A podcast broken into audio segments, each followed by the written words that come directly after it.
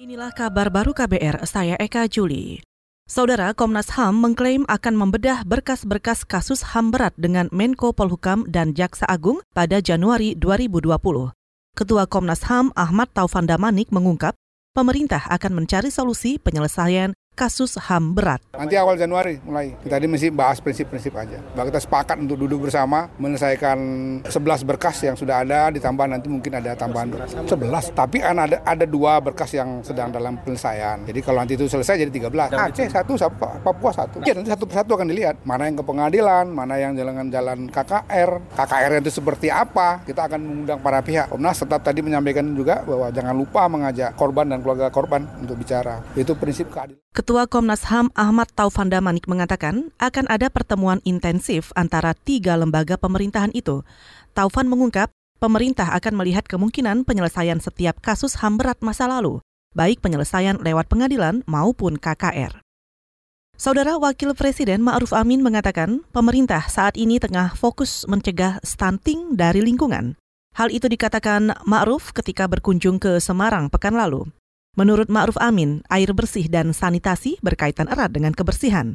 Dan kebersihan juga memengaruhi kesehatan serta tumbuh kembang anak. Ya, kita akan berusaha memperbaiki, kan ada aspek yang sifatnya kesehatan, ada yang sifatnya itu sebenarnya non kesehatan, itu air bersih, kemudian sanitasi. Nah ini yang kemudian ini yang harus diperbaiki samping juga tentu pencegahan oleh orang tua atau terutama oleh ibu dalam kunjungan tersebut, Wakil Presiden Ma'ruf Amin juga mengklaim pemerintah akan mendorong perusahaan air agar dapat memberi pelayanan prima bagi masyarakat.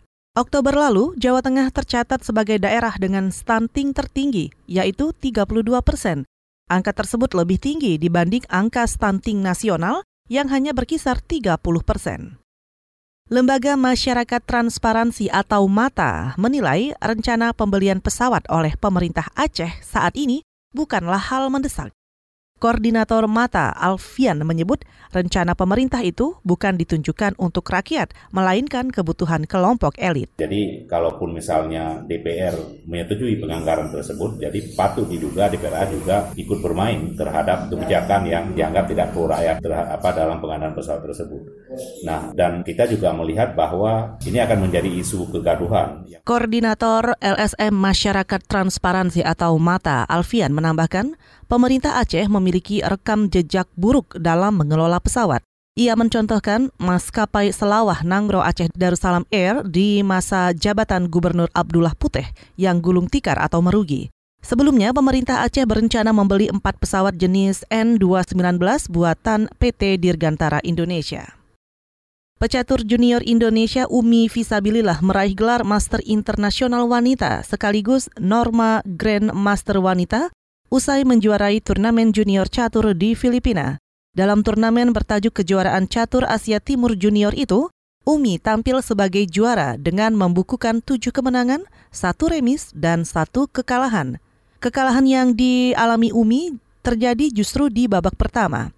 Namun kekalahan di babak pertama itu tidak membuatnya terpuruk, justru Umi bangkit hingga nyaris menyapu delapan babak berikutnya dengan kemenangan. PB Percasi menjelaskan Sertifikat gelar bagi Umi langsung diberikan setelah atlet dipastikan meraih gelar untuk kategori pecatur wanita itu. Saudara demikian kabar baru, saya Eka Juli.